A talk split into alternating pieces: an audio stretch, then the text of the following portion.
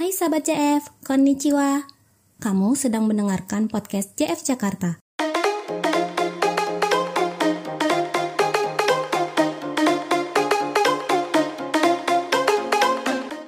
Japan Foundation atau lebih dikenal dengan JF adalah lembaga nirlaba milik pemerintah Jepang yang bergerak dalam bidang pertukaran budaya internasional.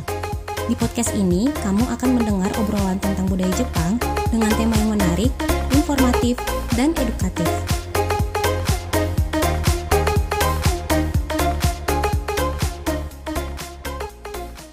Konnichiwa, halo sahabat Jeff semua apa kabar? Semoga sahabat Jeff sekalian tetap sehat, selalu mengikuti protokol yang ada, sekalipun pandemi sudah mulai membaik ya teman-teman ya.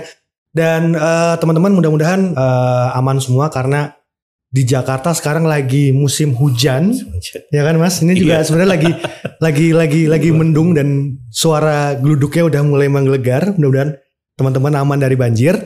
Eh, sahabat Jeff, selamat datang kembali di Japan School Podcast Jeff Jakarta, seri diskusi interaktif dan juga santai yang membahas berbagai macam isu dan fenomena terkini tentang Jepang. Nah, eh, teman-teman, teman-teman mungkin eh, sampai saat ini selalu heran, selalu memikirkan kenapa sih eh, visual art atau seni visual Jepang itu selalu menarik dan juga eh, mungkin khususnya ya, secara khususnya mungkin kenapa visual art di dalam pop culture Jepang seperti manga, anime dan juga uh, game itu berbeda dari visual art yang lainnya. Nah, kita akan membahas tentang itu di Japan Scope Podcast kali ini karena tema yang akan kita obrolkan bersama adalah Japanese Visual Arts, Gaze Lines and Image dengan Mas Rizky Mustafa Arisun. Nah, aku perkenalkan dulu, Mas Rizky ini adalah seorang pengajar universitas, peneliti independen dan pemerhati budaya populer Jepang ilustrator lepas dan juga sedang mendirikan Musatori Manga Course. Halo Mas Rizky. Halo. Sehat Mas? Sehat. Aman ya tadi ke sini Mas ya? Aman, aman. Aman ya? Belum hujan sih. Belum hujan. Nanti kayaknya waktu Iya. pulang bakalan hujan kayaknya Mas. Mudah-mudahan, Kelihatannya. mudah-mudahan sih enggak. Enggak. Mas, eh Musatori Manga Course ini apa nih Mas? Usatori Manga Course ya simpelnya eh, tempat les ya, tempat les Tempat les. gambar Ah, ya oke. sebetulnya ya. Ah, ah. Jadi teman-teman bisa ikutan di Ikutan eh, latihan bikin ilustrasi, Mhm, kita sama-sama juga. Tapi mungkin eh, juga bisa eh, kalau aku mulainya Mhm, itu pasti dari cara bikin cerita dulu. Ah, Mm-mm. jadi bagaimana cara membuat cerita cerita Oh. apa pun begitu. Iya cerita apa pun yang ada di sekitar kita misalnya gitu ya mau bikin komik Hmm. atau misalnya teman-teman mungkin mau mencoba untuk bikin apa ya buku bergambar yang bisa untuk anak-anak tuh kan ya Aha, Oh, aha, aha. nggak selalu nggak perlu harus komik Iya, kan iya, gitu iya, iya, iya. atau mau sekedar latihan ilustrasi Aha. tapi ada ceritanya misalnya pingin bikin original karakter Hmm, misalnya nah silakan deh gabung sama kita Mas, eh, hari ini kan kita mau bicarakan tentang apa seni visual Jepang ya. Mm-mm. Eh, Sebenarnya apa sih Mas yang membuat visual art Jepang ini Hmm. menarik? Jadi Hmm. apa yang membuat eh, visual art Jepang ini berbeda dari visual art yang lain? Jadi Mm. karena kalau misalnya kita eh, bac- apa melihat sesuatu, kita bisa langsung tahu, oh ini dari Jepang nih. Mm. Kayak Iya, gitu kan. kayaknya Kayak kan langsung ya Kas gitu kan, kan, kan langsung eh, kita langsung tahu nih. Sekalipun Hmm. kita nggak tahu siapa yang bikin atau segala macam ya, Iya. tapi ini, Ini Jepang kayaknya dari Jepang gitu nih ya. kayak gitu. Betul. Iya. Apa mas yang membuat menarik kira-kira? Ah, aku mulai dari yang pribadi dulu kelihatannya ya. Boleh, yang eh, sebenarnya awal-awalnya aku tuh bukan eh, ketemu sama yang namanya dunia ilustrasi itu kan nggak langsung Jepang sebenarnya gitu ya waktu masih bayi eh, apa toddler toddler gitu ya Hmm. jaban-jaban toddler. eh apa ngelihat buku dongeng, lihat majalah waktu itu. Ini boleh sebut nama eh, Boleh sponsor nggak? Sponsor produk ya. Boleh boleh. Gak apa-apa ya. Eh, di majalah, aku waktu itu langganan majalah Bobo terutama Hmm. waktu itu. Eh, sempat juga sempat eh, lihat-lihat majalah yang lain seperti apa Ananda di zaman-zaman itu ya tahun Hmm. 90-an itu. Wow itu majalah-majalah klasik ya, majalah-majalah Ya, klasik sekarang Indonesia sudah ya? terhitung retro ya kayaknya Iya, iya, bener iya, iya. kalau- ada yang baca itu. Padahal majalah masih ada loh. Betul betul betul. Masih ada loh. Nah, eh, aku ngeliat di sana gitu kan, oh ternyata ya lucu ya emang ilustrasi itu kayaknya udah memantik Hmm. eh, ketertarikanku dari awal memang. Nah, tambahan juga apa? Di TV itu sering banget ditayangkan eh, film-film asing kan, film-film da- Hmm. kartun dari Amerika gitu kan. Nah, itu sepanjang tahun 90-an itu sangat-sangat apa ya, wah kita kayak dibombardir gitu ya. Nah, eh, nggak nggak lama setelah, pokoknya itu kan kalau nggak salah aku waktu itu masih sekitar TK atau SD, eh, datanglah produk Jepang nih. Awal-awal itu kan macam-macam ya, ada Doraemon, ada Candy Candy dan kelihatannya bahkan sebelum itu ya, eh, sebetulnya udah ada gitu ya, udah ada eh, film kartun Jepang yang masuk, tapi kelihatannya aku masih belum terlalu tanggap gitu ya. Nah, lucunya di saat yang bersamaan kayak gitu, eh, apa tuh namanya? Itu kan udah produk ya, Hmm, satu bentuk produk ya, animasi ya. hmm. Ada lagi juga kita ketemu di game. Ya, Temen-temen tuh lagi main game waktu itu eh, game eh, Nintendo 8 bit. Kalau di Jepang kan namanya eh, apa eh, Famicom ya, Ya, Famicom kalau di eh, Amerika Nintendo of America bilangnya NES gitu kan. Di Hmm, hmm. Indonesia nggak peduli banget, nggak nggak nggak nggak terlalu peduli dari mana. Yang penting Nintendo aja Ah, gitu ah, kan. ah. Nintendo fast forward cerita dari anime keluar dari game keluar nggak lama itu di tahun 9 apa ya kalau dihitung sekarang tuh rasanya kayaknya nggak lama ya padahal zaman zaman dulu itu udah lama banget tahun 95 96an eh, makin banyak kan anime Sailor Moon masuk melalui eh, ya TV swasta makin banyak ya. Ada Sailor Moon ada eh, macam-macam.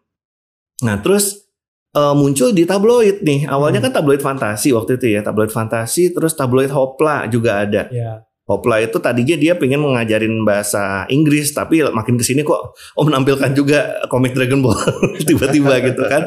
Masuklah Jepang di situ gitu. Nah eh jadi dari media-media ini aja yang udah kelihatannya ya kalau saya pribadi sebagai orang Indonesia yang eh, ada di kota besar salah satu kota besar gitu ya memang eh, terpapar eh, produk Jepang itu eh, da- karena karena mereka datang ke, ke hadapan mata kita pertama itu nah eh, apa mereka datangnya itu ya berbarengan dengan yang lain-lain yang mungkin eh, kita jadi membanding-bandingkan memang namanya juga kesukaan betul, gitu kan betul. ya. Oh, Nah, eh, tahun 97 eh, sekitar eh, SMP lah gitu.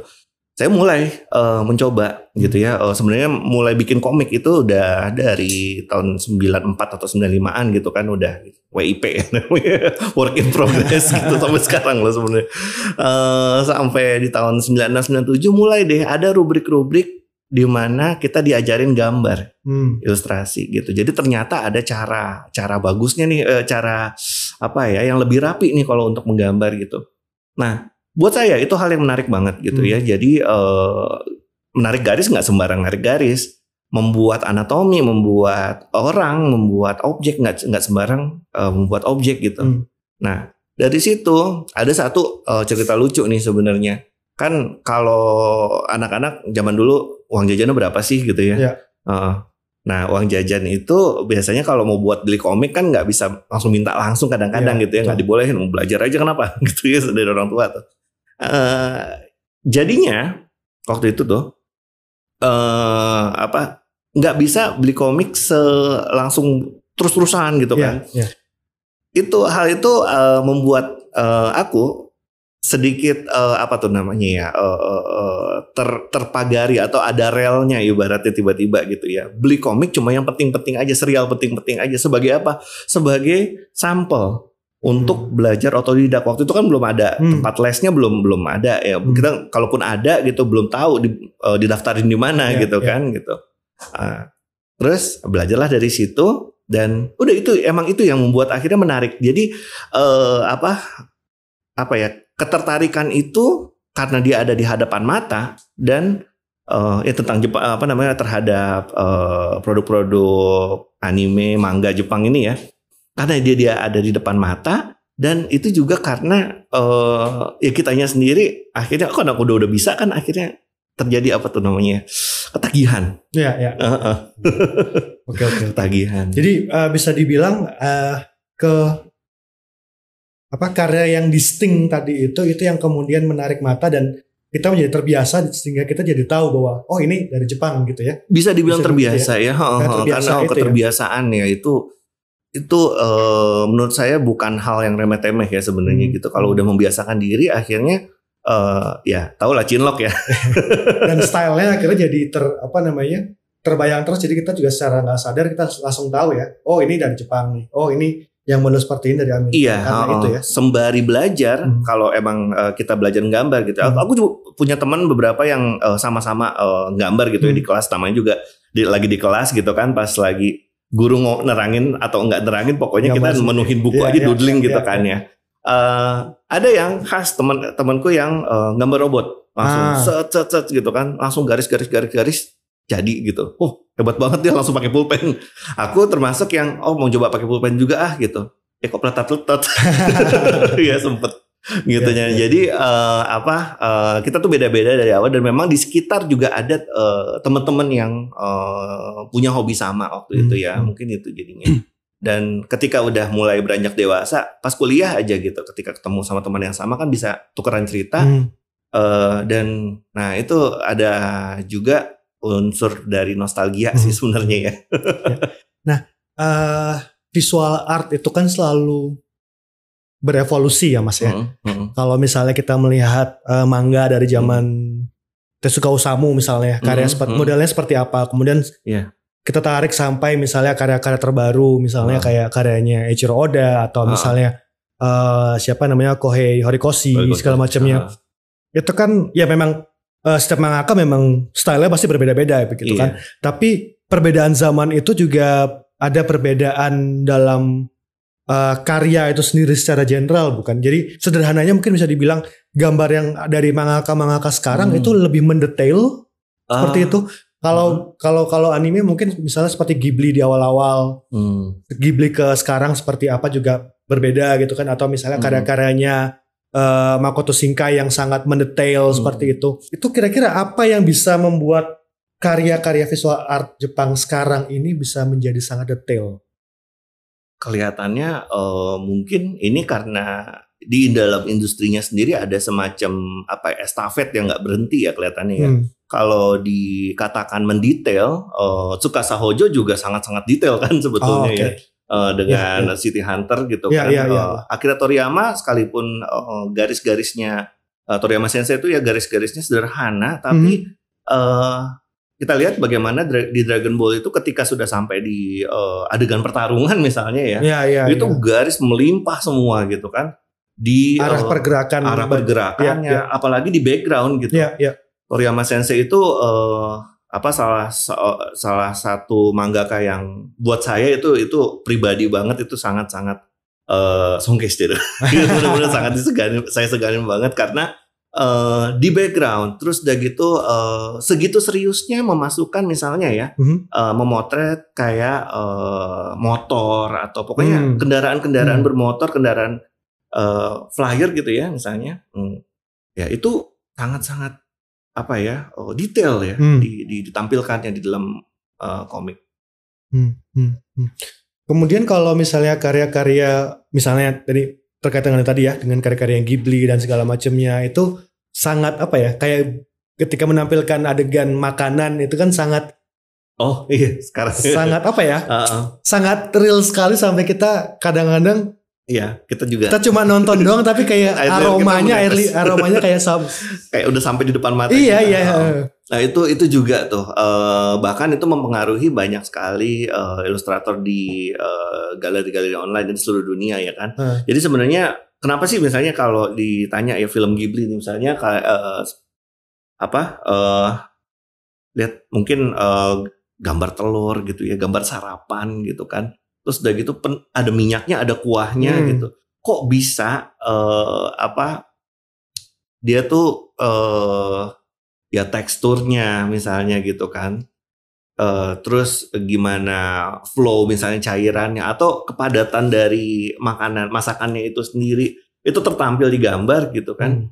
itu eh, apa ya mungkin jadi jadi apa ya jadi bikin saya bertanya-tanya juga gitu ya Hmm. nah makanya beberapa waktu lalu juga sebetulnya sebagai orang yang juga nonton film Ghibli eh, dan kemarin ternyata juga udah aksesnya udah sangat-sangat dimudahkan ya Hmm, dengan hmm. eh, di eh, apa Netflix ya udah Ya. udah cukup eh, beberapa film gitu ada di sana Hmm, nonton lagi untuk kesekian kalinya eh ya kok makin makin terasa lapar kalau kalau kalau dilihat ini, ini gitu. aja ada gambar ini ada gambar ramen di sini jadi iya kayak gini makanya apalagi hujan kan? Itu kalau nggak salah lagi ponyo ponyo itu juga kalau nggak salah memang lagi hujan kan? Lagi Iya, iya, badai iya, kan? iya, nah, adegannya lagi itu. hujan. nah hal-hal kayak gitu. Jadi sebenarnya memang eh, apa tuh namanya ya eh, di dalam eh, nah saya pingin nyorotin satu hal sih sebenarnya.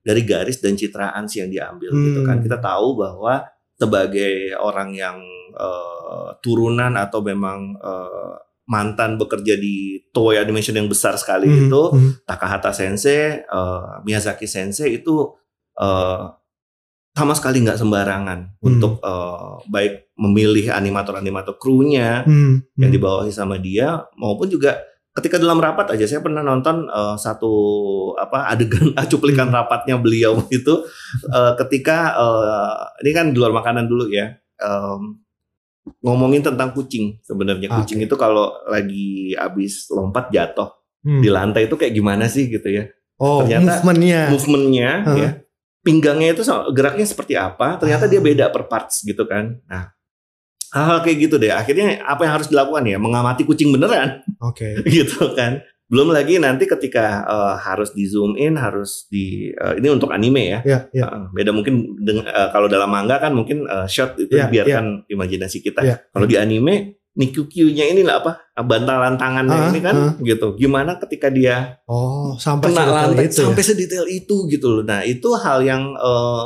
ketika saya lihat cuplikannya tuh, waduh mind blowing banget. Ya, ya. Sampai sini kak gitu ya, Ah, gitu.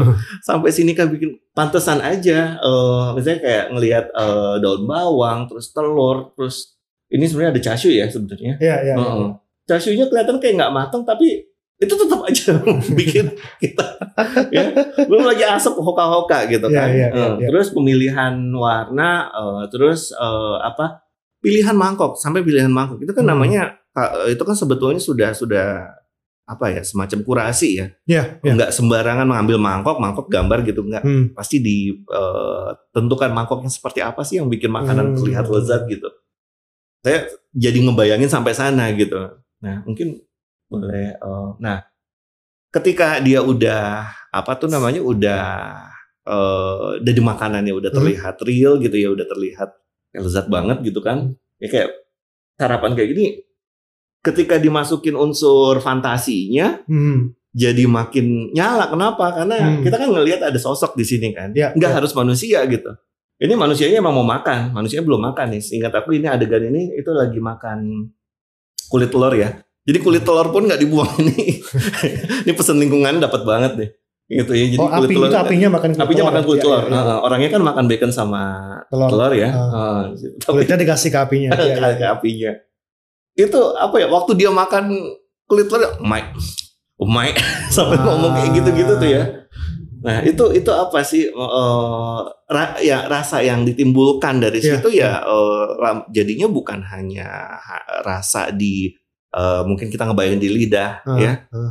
api nyala kayak gini gitu wah ya makan gitu keringetan atau anget gitu ya kalau lagi dingin dingin kan nah hal yang kayak gini loh jadi em, apa ya jadi itu masih menjawab yang tadi sih sebetulnya Hmm, masih hmm. menjawab pertanyaan di awal tadi kenapa sih menarik ya ada unsur-unsur seperti ini Hmm, hmm, hmm. Dan itu pun juga nggak cuma di Hmm. eh, apa namanya? Ini bisa dibilang kok pro- produk citraan ya berarti ya. Mm-mm. Bisa bilang produk cit- citraan ini nggak cuma berakhir di apa namanya makanan yang tertampil dalam anime saja, tapi juga kayak VTuber, Mm-mm. fenomena VTuber juga Fenomena itu VTuber gitu termasuk kan. situ kan? Masuk ke sana. Dan saya rasa juga kalau udah melibatkan eh, komputasi ya eh, komputer dan segala macamnya pasti ada hubungannya dengan bagaimana orang Jepang dulu juga boleh eh, eh, ya eh, apa udah udah akrab dengan teknologi dari awal kan Hmm, sebenarnya gitu kan. Makanya eh, bahkan untuk membuat eh, apa eh, ini kan bagian kendaraan yang kalau Tomino Sensei ini nggak mau bilang ini kendaraan perang sih beliau itu sengaja kan katanya Ah. warna putih biru merah kuning ini sengaja diwarnain kayak mainan supaya kelihatan bahwa ini sebetulnya bukan ini ini ini eh, agen pertamanya dia Oh, maunya oke, oke, gitu oke. kan sebenarnya ya kembali lagi cuma coba kayak gitu mereka tuh udah cukup, akrab ya Hmm. cukup akrab dengan yang namanya teknologi sehingga sampai di game sampai di eh, kembangan-kembangan baru kayak VTuber gitu Hmm. kan itu eh, apa ya eh udah ada eh, kayak mainan wayangnya itu ya memainkan memainkan eh apa unsur-unsur ini sehingga kelihatan realistis gitu dan tapi diusahakan supaya eh, sebisa mungkin nggak ribet harusnya Hmm. gitu. Kalau kita lihat dari Gundam ya mungkin dari desain awal Hmm. kan sebetulnya masih sederhana ya kayak Ya, gitu. ya, yang ya, kita ya. lihat barusan itu kan sangat detail kan. Tapi disiapkan dengan yang lain-lain misalnya. Kalau dilihat di sini kan eh apa masih megang pistol, masih megang Hmm, apa hmm, gitu ya. Tetapi hmm. kalau kita lihat yang dari anime ataupun di eh apa tuh namanya action figure gitu Hmm. kan. Nah, itu eh ya misinya sepertinya tercapai sih sebetulnya ya. Nggak terlalu mengintimidasi gitu dengan warna putihnya itu. Hmm, hmm.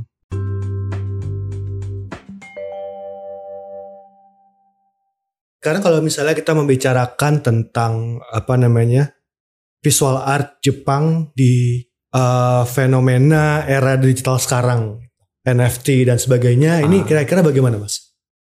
Mulainya sih sebenarnya eh, kalau membicarakan tentang hingga sampai ke NFT mungkin eh, aku pingin eh, meng-highlight eh, apa namanya yang namanya galeri online ya galeri Oke, online ya, ini kan ya. Sebelum NFT ya, sebelum masuk jauh sebelum ya. ya jauh sebelum Hmm. itu maksudnya em, sejak tahun 80-an itu eh, Jepang kan juga mengadopsi gitu ya di Jepang itu eh, para fans yang menyukai budaya populer itu sudah mulai eh apa ya eh, ngeriung ibaratnya ya eh, masuk ke dalam sebuah konvensi Hmm. konvensi gitu ala-ala di Comic Con di Amerika gitu Hmm, kan hmm, ya Amerika hmm. juga eh, udah melakukan itu nah singkat aku ya kayak eh, di generasinya eh, Ano Hideaki gitu kan di tahun 80-an itu waktu dia bikin Ultraman yang gede gitu ya berkumpullah di situ orang-orang yang ngefans sama eh, karya-karya yang mu- muncul di saat itu juga ya Gundam uh, Uchusenkang Yamato ya bahkan yang eh, agak campur gitu ya kadang-kadang Hmm. yang robot juga masuk yang eh, dari shoujo manga juga masuk Hmm, hmm. Heeh. dan di dalam convention itu kan juga eh, terjadi apa tuh namanya ya eh, apa pertukaran ide gitu kan. Ya. ada diskusi dan segala macamnya yang akhirnya juga melahirkan eh, ini kayaknya emang naluriah ya. Hmm. kalau orang bikin kita juga pengen bikin dong gitu ya. Pengen bikin gitu ya. Nah itu dia. Dari eh, siapa ya em, dari waktu itu di mana ya nama konvensinya yang paling awal banget itu Daikon. Oke. Daikon. Daikon itu kan sempat bikin animasi tapi animasi eh, fans fanmade. Hmm. gitu kan. Itu di dalam ditumpuk Ultraman Godzilla segala macem. Eh, super robot dicampur aduk di situ gitu. Nah eh, dari situ eh, kan udah kelihatan bahwa eh, geliat untuk membuat karya baru ini tuh kenceng sebetulnya. Hmm. Belum lagi majalah ya zaman itu kan memang majalah tahun 80-an kita ngomongin tahun 80-an di mana media yang eh, lumayan eh, apa ya lumayan eh, lagi itu tuh di masyarakat adalah media media cetak ya media Mhm. cetak majalah terutama nah majalah eh, mungkin memfasilitasi juga akhirnya Hmm. gitu ya em, karya-karya fans gitu nggak cuma gambar nah mulailah jualan kan. Dan kita tahu ada komiket ya. Fast forward sampai ke zaman sekarang ada yang namanya eh, pasar dojinshi pasar di mana orang eh, mengeluarkan dojin. Karya dojin ini kan do-nya itu kan onaji ya eh, sama gitu ya. Jinnya ya manusia gitu. Ya, jadi ya. karya yang diciptakan sesama penggemar mungkin Hmm. gitu. Ya itu parodi ya itu tragedi mau itu juga mungkin eh, yang ada mohon maaf unsur erotisnya Hmm. gitu mungkin gitu kan dari satu karya jadi di pasar itu kan terjadi bukan cuma pertukaran ide tetapi pertukaran eh, ini juga karya baru atau Iya. karya re- eh, reproduksi di situ Hmm. Nah, mm, kalau dikaitkan sama pertanyaan tadi kenapa bisa sampai ke NFT gitu? Eh, kalau nungguin adanya konvensi itu akan lumayan lama ya waktu waktunya. Nah, Hmm. muncul kan eh, ini apa namanya dashboard dashboard online gitu Betul. kan. Awal mulai dari situ saling ngeposting gitu, saling komentari dan segala macem. Ya kita juga eh, akhirnya di awal tahun 2000-an itu tahun 2005 aja menurut saya ya, saya sendiri itu udah ngerasa telat banget gabung di DeviantArt Hmm. gitu kan. Gara-gara kayak gitu. Jadi eh, dan itu mendunia kan internasional Ya, ya, gitu ya, loh. ya. Heeh. Da- eh, mungkin nggak hanya Jepang aja, tetapi kelihatan sekali jadinya Hmm. ketika sudah dijajar di dalam sebuah galeri online eh apa karya-karya yang eh, terpengaruh bukan jadi bukan orang Jepang aja ya mungkin Hmm. yang menggambar dengan gaya anime gitu ya atau gaya mirip manga eh itu uh, akhirnya guyup di dalam situ gitu ya mungkin kayak ngelihat uh, di gambar ini ini uh, galeri online-nya Pixiv ya Pixiv Ah. dan uh, kalau udah masukkan ke Pixiv biasanya seorang ilustrator itu juga masukkan ke Twitter Oh, oke. biasanya Ya, ya. gitu. Nah, kita kan bisa lihat di sini bagaimana oh apa ya?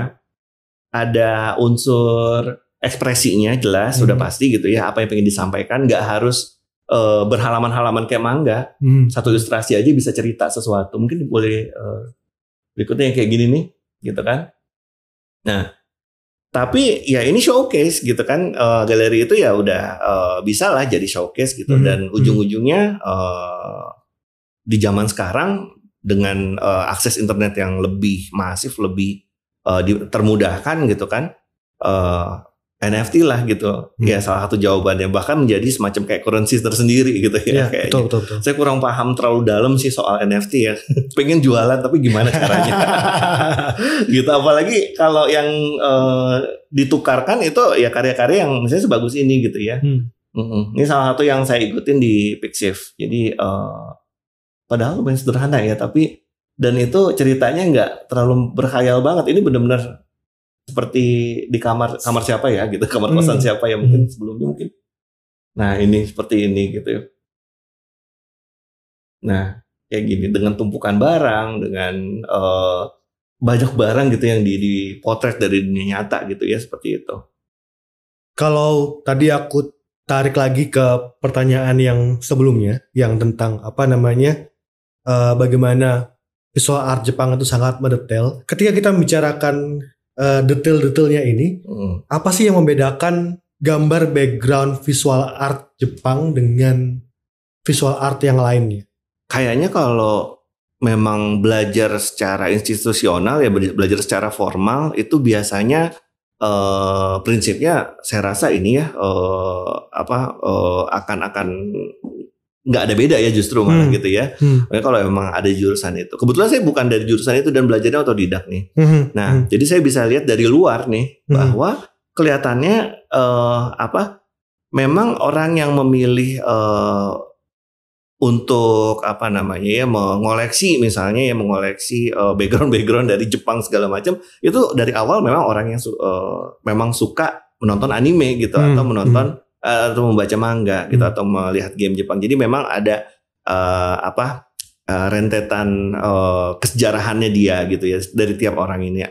Tapi em, balik-balik lagi ya eh, kalau dibilang eh, sama juga gitu. Saya masih melihat ada yang dari tadi ya kalau kita lihat tuh eh, apa ya yang khas sebenarnya. Karena kalau udah kelihatan gesturnya mirip gitu ya. Em, sekarang kita lihat yang khas dari Jepang tapi mirip-mirip dari karya-karya yang ada di Jepang. Nah ini eh, kebetulan ini ada eh, gambar Tobae. Mhm. Ini gambar Tobae ini em, sebetulnya adalah gambar yang eh, katanya diikuti oleh eyangnya mangga Katsushika Hokusai ya. Kalau zaman dulu eh, seorang esi atau pelukis itu kan nggak melulu dia menerbitkan eh, apa namanya lukisan yang adiluhung gitu. Eh, pelukis juga butuh makan. Untuk harian dia perlu cetakan gitu ya. Eh, jadinya eh, dia nantinya akan bekerja sama eh, dengan seorang pencukil kayu untuk membuat Hmm. stempelnya dan akhirnya eh, apa terbentuklah sebuah nishiki-e atau ukiyo-e Hmm. disebutnya. Nah, cita-citanya kadang-kadang diambil dari yang eh, zaman Heian dulu. da- eh, jadi ini kalau dihitung eh, Katsushika Hokusai itu udah lebih dekat ke kita, Mhm. sekalipun masih ratusan tahun ya. Hmm. Tahun 18-an itu masih masih eh, ini ya gitu. Menjelang eh, era Meiji ber- eh, apa tahun berapa ya? Pokoknya 17-an akhir menuju ke 18-an Hmm. itu mas kayaknya beliau masih ada deh. Hmm. Nah, dia ngambil eh, gaya atau penceritaan, bentuk-bentuk penceritaan dari sekolah seni yang udah ada di Jepang dari sebelum sebelum ini juga sebetulnya. Yang dari Tobae ini ya em, kita bisa lihat gimana kalau narik garis itu garisnya tuh lebih set satu satu tarik. Oh, lebih tebel, lebih apa ya yakin gitu ya. Oh. Ta- eh, dan hasilnya juga em, kelihatannya ya eh, yang ditimbulkan itu juga lebih tegas gitu emosinya Ah. Bergeraknya kayak gimana gitu lebih tegas. Beda sama mungkin kalau kita lihat eh, potret atau lukisan yang eh apa tuh namanya eh berwarna atau lebih detail gitu yang kelihatan lebih adiluhung gitu. Nah karya-karya seperti ini kan uh, jadinya apa ya? Jadinya uh, membawa kita mikir gitu ya. Ada yang sama nggak sih sama yang zaman sekarang Hmm. gitu ya? Hmm. Ternyata mangga masih melakukan hal yang sama. Jadi kayak uh, apa? Misalnya uh, Odachi Sensei ya, Ichiro Oda. Hmm, Itu kan punya tim untuk betul. meniru gambarnya dia gitu. Jadi ibaratnya ya untuk mereproduce uh, hasil sketsanya gitu kan harus ada orang yang meng, apa namanya meninta dan segala Hmm. macam. Jadi polanya pola industri gitu. Hmm. Saya backward lagi mungkin ke tahun 50-an saling tiru meniru nih sebenarnya ya. Ngomongin saling tiru meniru. Hmm. Ada asrama di Tokyo namanya Tokiwaso. Itu di situ kebetulan tinggal Tezuka Osamu Sensei. Hmm. Hmm. eh, yang digadang-gadang bapak bapaknya manga, Iya, bapaknya iya. anime gitu kan. Ternyata tinggal juga Fujiko F Fujio dan eh, Abikomoto yang Hmm. satu tim itu kan Fujiko F Fujio gitu, Fujimoto Hiroshi. Lalu juga ada Ishinomori Shotaro Sensei juga tinggal di tempat yang sama. Mizuki Shigeru juga di Tokiwaso. Itu Iya, satu iya. asrama isinya Satu mangaka semua. terkenal semua. gitu. Ya gimana nggak saling tiru meniru sih kita Iya, atau iya. saling bantuin, "Eh, bantuin dong ini udah dit- udah ditunggu editor nih Iya, gitu iya, misalnya iya, iya. kan. Nah itu kayak kebayang aja gitu loh sama saya ketika dengar cerita itu dan baca cerita itu gitu ya eh, bagaimana eh, terjadi apa ya saling peniruan. Nah sekarang yang mau kita lihat kita mau sorotin di sini sebetulnya eh, kembali lagi ya memotret dunia sekitar sih kan udah panjang apa eh, ngalor ngidul sebenarnya ya jadinya dari garis sama citraan itu apa yang diambil sih ternyata ya kayaknya yang sama adalah mem- memotret dunia sekitar ini Hmm. memotret dunia sekitar. Jadi kalau ini kan fabel memang gitu Betul, ya. betul. Tapi tetap aja terdapat detail-detail gitu loh. Kalau bikin katak itu berdirinya katak nggak sama kayak berdirinya orang gitu Ya, kan mungkin. ya, ya. Heeh. Lalu misalnya kalau kita mau bikin eh, bayangkan eh, apa Tezuka Sensei itu bikin eh, anak kecil yang eh, dijadikan robot gitu ya, robot anak kecil gitu. Tadinya anak kecilnya hidup loh. Tadinya Ya, dia ya, kan ya, anak betul, betul. bandel ya naik mobil bapaknya nyuri mobil bapaknya ketabrak Ke- habis itu jadiin bionik gitu kan. Iya. Em, kalau anak kecil itu seperti apa gitu kan? Hmm. Eh, gesturnya anak kecil beda dengan orang-orang dewasa. Nah, itu kan juga memotret dari eh, Realita ya? realita Hmm. gitu. Nah, mungkin eh, di sini saya eh, pingin coba ngangkat juga apa yang eh ya saya bilang tadi kan WIP ya. Hmm. WIP udah dibikin dari sekitar tahun 9495-an tapi masih saya lanjutin sampai sekarang gitu sampai eh, mudah-mudahan mateng gitu mudah-mudahan bisa segera keluar juga gitu kan Eh, kalau bisa dibaca eh, eh, apa sahabat JF bisa baca ini eh, Hmm. Kita nggak harus eh, semuanya remaja kan gitu ya Hmm. karakter itu. Saya bikin karakter umurnya 40 tahun. Eh, terus udah gitu lagu kesukaannya diambil aja dari lagu kesukaan dari band yang emang pernah ada. Aha. ya kan? The Beatles. Dan bukan lagu terkenalnya juga sih sebenarnya gitu tapi Ringo lagi yang bikin. Iya, iya, iya. ya kan? Nah terus eh, apa sih eh, eh, profesinya gitu ibu rumah tangga ibu rumah tangga kan bisa diambil dari mana-mana. Ada di mana-mana. Ibu saya sendiri juga ibu rumah tangga. Nah seperti itu gitu. Anak-anak dia punya anak anaknya akan sekolah. Sama seperti kita kan. Ya gitu. Mulai dari ide aja eh, dari konsep ya dari konsep. Ini eh, apa yang datang dari Jepang itu udah mempengaruhi saya juga gitu ya. Hmm. Eh, dan saya juga teringat kemarin sama eh, apa namanya di lektur terdahulu dari JF nih Hmm. di bulan Februari ya dari Ya, ya. eh, apa Masuyama Osamu Sensei eh, seorang ahli background ya Hmm. ilustrator ilustrator background yang eh, apa selalu sering ikut dalam eh, produksi anime gitu Hmm, kan hmm. eh, bagaimana sebetulnya metode gambar latar atau background itu pertama-tama memang disederhanakan dulu lewat konsep Hmm. gitu. Jadi memang mungkin kalau saya eh, apa hitung ini tahun 94 95 kan nggak nggak kemarin ya. Iya. Udah lama juga gitu. Eh kalau lah saya mungkin tahu cara cara mudahnya cara untuk menyederhanakan eh, proses ber- eh, membuat karakter atau membuat gambar dari zaman itu mungkin eh mungkin udah terbit dari kapan tahu ya? Gitu ya. Nah gitu. Nah tapi memang seperti itu gitu. Jadi eh, untuk menggambar, menggambar latar atau background ya disederhanakan dulu lewat konsep nanti bertahap sampai eh, dimasukkan misalnya bayangannya layernya segala macam sampai nanti akhirnya bisa eh, udah nih kita udah niru dari dunia nyata nih udah motret ibaratnya. Nanti artisnya tinggal nyapukan kuas. Kayak Hmm. gitu. Nah ini ternyata juga eh, oh ternyata ini proses yang sama yang saya lakukan gitu ternyata Eh, bahwa bajunya kostumnya nanti akan tampil seperti ini Mhm. eh, itu udah belakangan ternyata gitu. Pertama-tama saya menentukan dulu memang ini siapa sih karakternya. Bahkan eh, jujur aja sebelum ini ya tahun 94 ini em, ini ide bahwa dia itu duta Kementerian Hubungan Darat Laut Republik Mirmedia itu Hmm. eh, dari eh, apa SMA baru baru kepikiran SMA baru baru dimasukkan gitu inti yang itu ya. Yang 40 tahunnya akhirnya kan ngikut ya.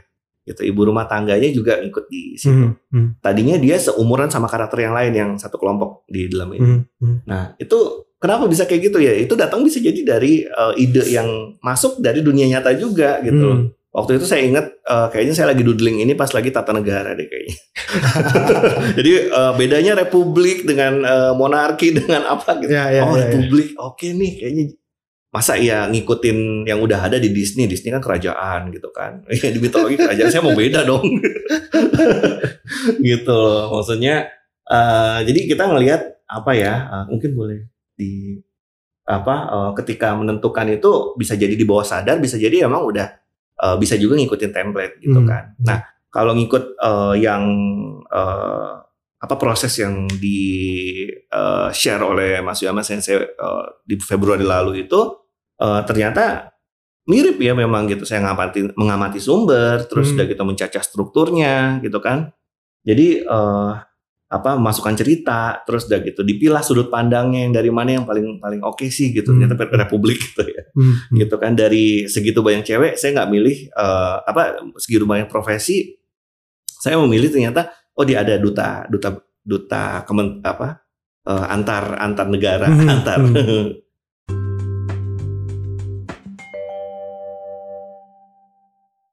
Berarti kalau misalnya seperti itu bisa disimpulkan kalau proses pembuatan karya ini sendiri Mm. justru bukan dari imajinasinya dulu ya. Mm. Jadi apa ya? eh, ini akhirnya jadi saya jadi pegangan saya banget gitu dan Hmm. beberapa eh, apa ya eh, teman-teman yang udah pernah, ya saya bilang teman-teman ya sekalipun umurnya masih 15-an ke bawah gitu ya. Em, jadi saya selalu bilang ke mereka supaya coba deh jangan berimajinasi dulu baru bikin eh, karakternya, tapi potret dulu di sekitar kita ada apa, Hmm. baru nanti kita masukkan ide kita yang imajinatif di situ.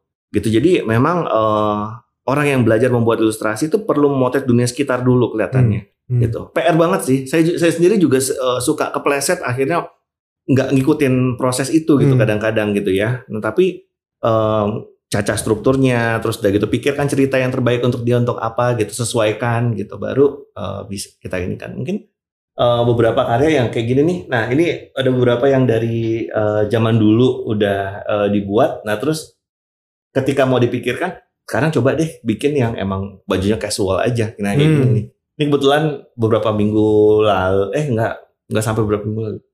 Masih di minggu ini, tapi hari minggu lalu kayaknya.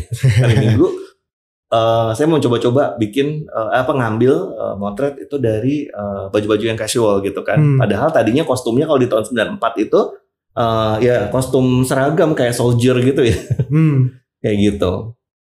Dan entah kenapa ini kok mirip sama Miyazaki saya nggak tahu lagi. Lagi mikirin beliau apa gimana. Yang ini ya. Iya. Heeh. Kayak gitu. Nah ini yang ibu 40 tahun tadi tuh ada dia tuh. Gitu. Kan Oh yang paling kanan. Heeh. Oke. Dan memang eh, kadang-kadang narasinya juga apa yang dimasukkan ke sana idenya pun sebenarnya nggak nggak melulu harus dari dunia nyata yang benar-benar ada banget gitu kan kita Hmm. mau aduk sama imajinasi. Ingat saya tahun 94 itu kenapa saya bikin yang kayak gini nih? Ini ada pengaruh sama tayangan di RCTI coba tebak apa ya kira-kira. Kalau udah ada 12 kayak gini berarti ACTI eh, eh, ada 12 kayak gini kira-kira mewakili apa ya? Sensei ya itu. Nah, Apa namanya? eh apa namanya? Satria Satria Jubah Emas. Jubah Emas. itu 12 kan Oke. ya.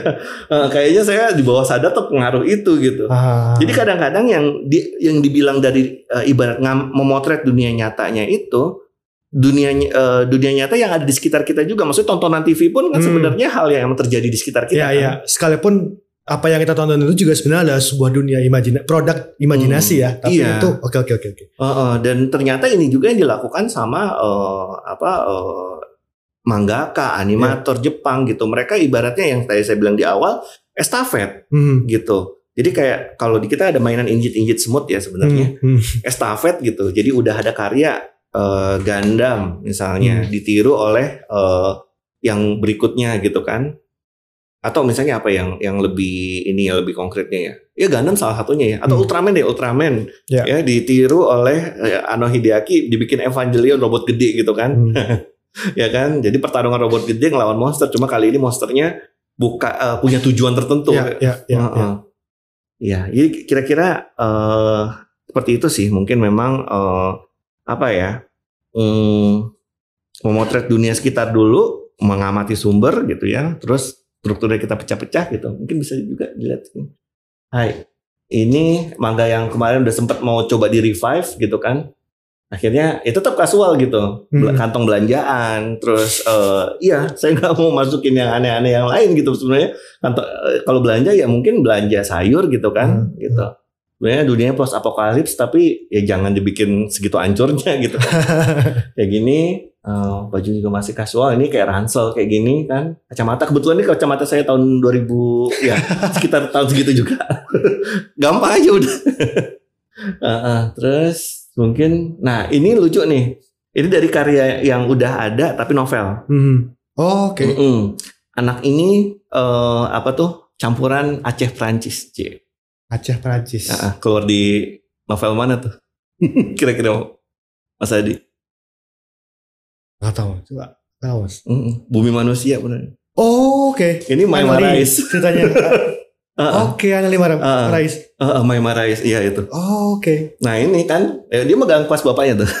Iya, iya, iya, iya. nah, iya. saya ngebayangin eh, apa fashionnya anak-anak di tahun Aha. 18-an itu kan Aha. gitu. Berarti kalau anak-anak di tahun segitu kan, ya apa bedanya sama Sakura Taisen misalnya gitu. Cewek-cewek Meiji kan sebenarnya gitu loh. Kalau disebut nggak nggak ada istilah senturial ya. Hmm, Eh, bu- kita yang kelahiran 2000 ini kebetulan milenial karena itu Hmm. kan. Saya kalau seandainya itu juga milenial, wah ngepas banget ya. Era Kartini juga milenial sebenarnya berarti. Dengan semangat yang sama gitu loh maksudnya. Kebayang gitu. Nah, lalu ada juga jadi karya Pak Pram itu.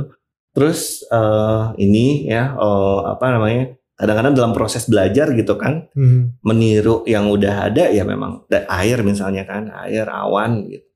Proses belajar juga bisa jadi motivasi yang lumayan bagus. Hmm. Terus ada lagi, nah eh, motivasi yang lain sih memang juga karena memang eh, kadang-kadang nostalgia ya. Ini kebetulan eh, dari salah seorang eh, saya akhirnya mencoba untuk mengontak seseorang yang eh, ada di komunitas penggemar umbul. Umbul, Hmm. umbul itu kan emang eh, gambaran ya, Ya, gitu ya. gambaran jual di abang-abang zaman dulu. Ternyata ini juga mengasup apa ya?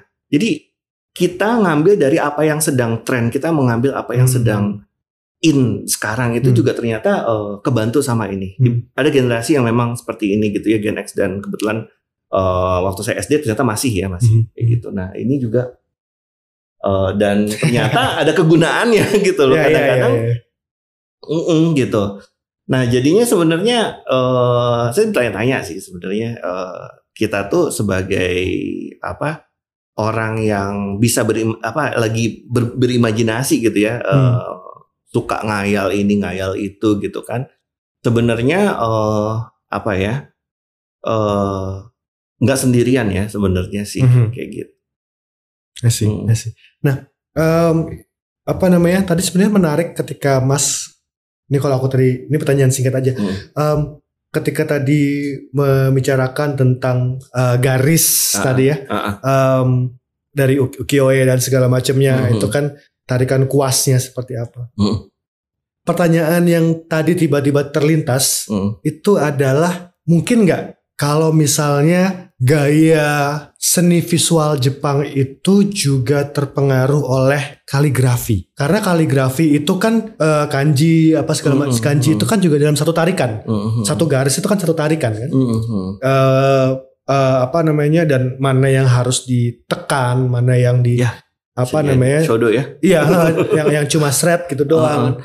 Iya. ada kebetulan pengaruh itu juga untuk khusus saya untuk rasa ya? saya rasa gini deh eh, kedekatan dunia ilustrasi dengan dunia kanji itu memang bukan barang baru ya Hmm. Kayaknya kalau ini pribadi saya ngelihat eh, ini ya ngelihat kan dulu juga saya juga gabung di klub kaligrafi waktu Oke. di eh, ini di kampus dulu ya. Hmm. Eh kita baru ada guru itu kebetulan waktu JF ngadain ada Meguro Sensei Oke. Eh, eh, di ini di oh, sih, di 19 di gedung sebelah waktu itu ya kan Em, ternyata yang diangkat sama beliau adalah eh, yang diajarkan ke kami awal-awal itu adalah huruf-huruf yang eh, nggak langsung ribet sederhana memang sederhana tapi kita diajarin mulai dari strukturnya I see. strukturnya. Jadi untuk menggores garis itu waktu itu eh, tapi dia nggak dia bahkan nggak bilang istilah untuk eh, aliran ini apa gitu kan ada Hmm. kaisho, shosho gitu, Iya, ya, betul, gyosho gitu betul, kan. Betul. Nah, yang beliau ajarkan waktu itu kaisho. Kaisho itu kan kita tahu eh,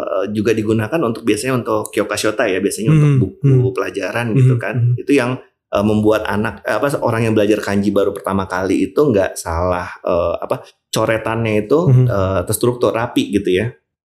Nah, em, kemudian saya ingat lagi kalau ditanyakan seperti itu eh, kedekatan kanji, eh kedekatan oh, kaligrafi Jepang dengan eh, namanya juga menggambar gitu ya, Hmm, hmm. menggambar untuk narik garis kan zaman dulu memang eh, ya sumi ya pasti Hmm, ya eh, tinta gitu kan. Nah, Ya, betul. gitu itu dekat sekali memang gitu. Eh, cuma eh, kalau kita lihat di paling awal sebetulnya eh itu kan yang gambar tadi yang eh, Choju Giga itu ya eh, itu kan ada apa tebel ada tipis gitu ada Ya. diangkat di apanya itu kan memang emosi Mhm. saya ingat waktu eh, beberapa kali nih karena karena bukan cuma Meguro Sensei doang yang eh, eh, cerita apa bilang hal ini.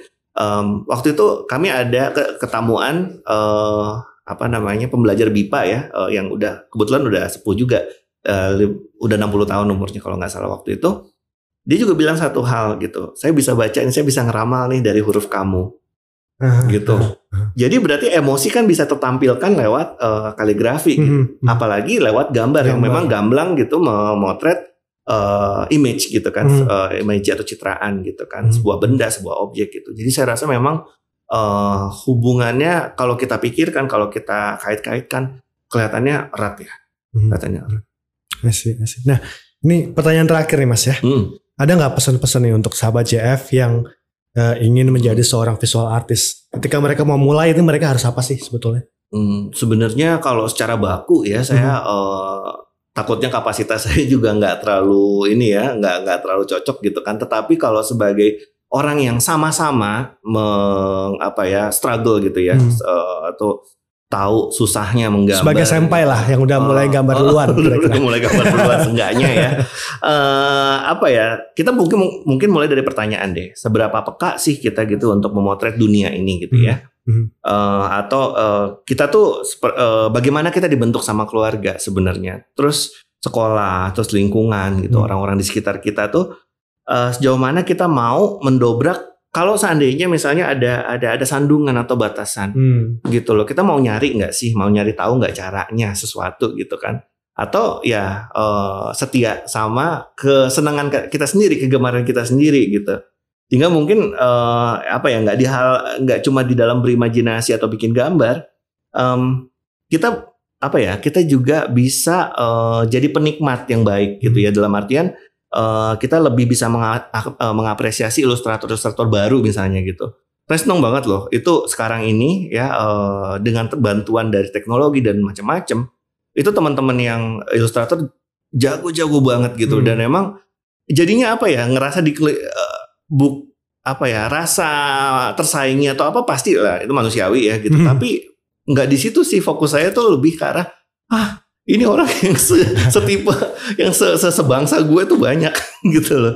Jadi em, apa ya? Jadi kita mungkin jadinya eh, ketika kita cukup peka gitu kita eh, bisa lebih menghargai misalnya ilustrator yang baru tumbuh atau siapa tahu di antaranya ada yang memang udah berfokus ke dalam eh, profesi ilustrator misalnya. Jadi starving artist gitu kan. Jadi eh, apa ya? Orang itu kan udah kayak gitu tuh udah mengorbankan hidup nyamannya gitu kan, nggak kerja yang dapat gaji gede segala macem tapi ya dia mendedikasikan eh, waktu tenaga sama eh, apa ya eh, seluruh emosi jiwanya Hmm, gitu ya untuk untuk me- untuk menggambar gitu jadi mungkin pesan aku sih uh, lebih ke arah situ sih. Ma marilah kita jadi peka sih sebetulnya untuk hmm. uh, bisa nantinya memotret dunia sekitar. Oke. Terima kasih Mas Rizky Makasih sudah meluangkan waktu Adi. untuk berdiskusi dengan uh, kami semua di Japanscope Podcast Edition. Makasih juga. Iya. nah, uh, sahabat Jeff semua ya tadi uh, Japanscope Podcast kita kali ini dan uh, jangan lupa teman-teman untuk follow podcast Jeff Jakarta dan juga Japanscope Podcast versi video yang akan segera bisa teman-teman nikmati di akhir bulan ini. Dan teman-teman bisa mengikuti informasi paling update tentang uh, program-program JF Jakarta di Instagram dan Twitter at JF underscore Jakarta dan juga Facebook page The Japan Foundation Jakarta. Sampai jumpa di episode selanjutnya. Bye-bye.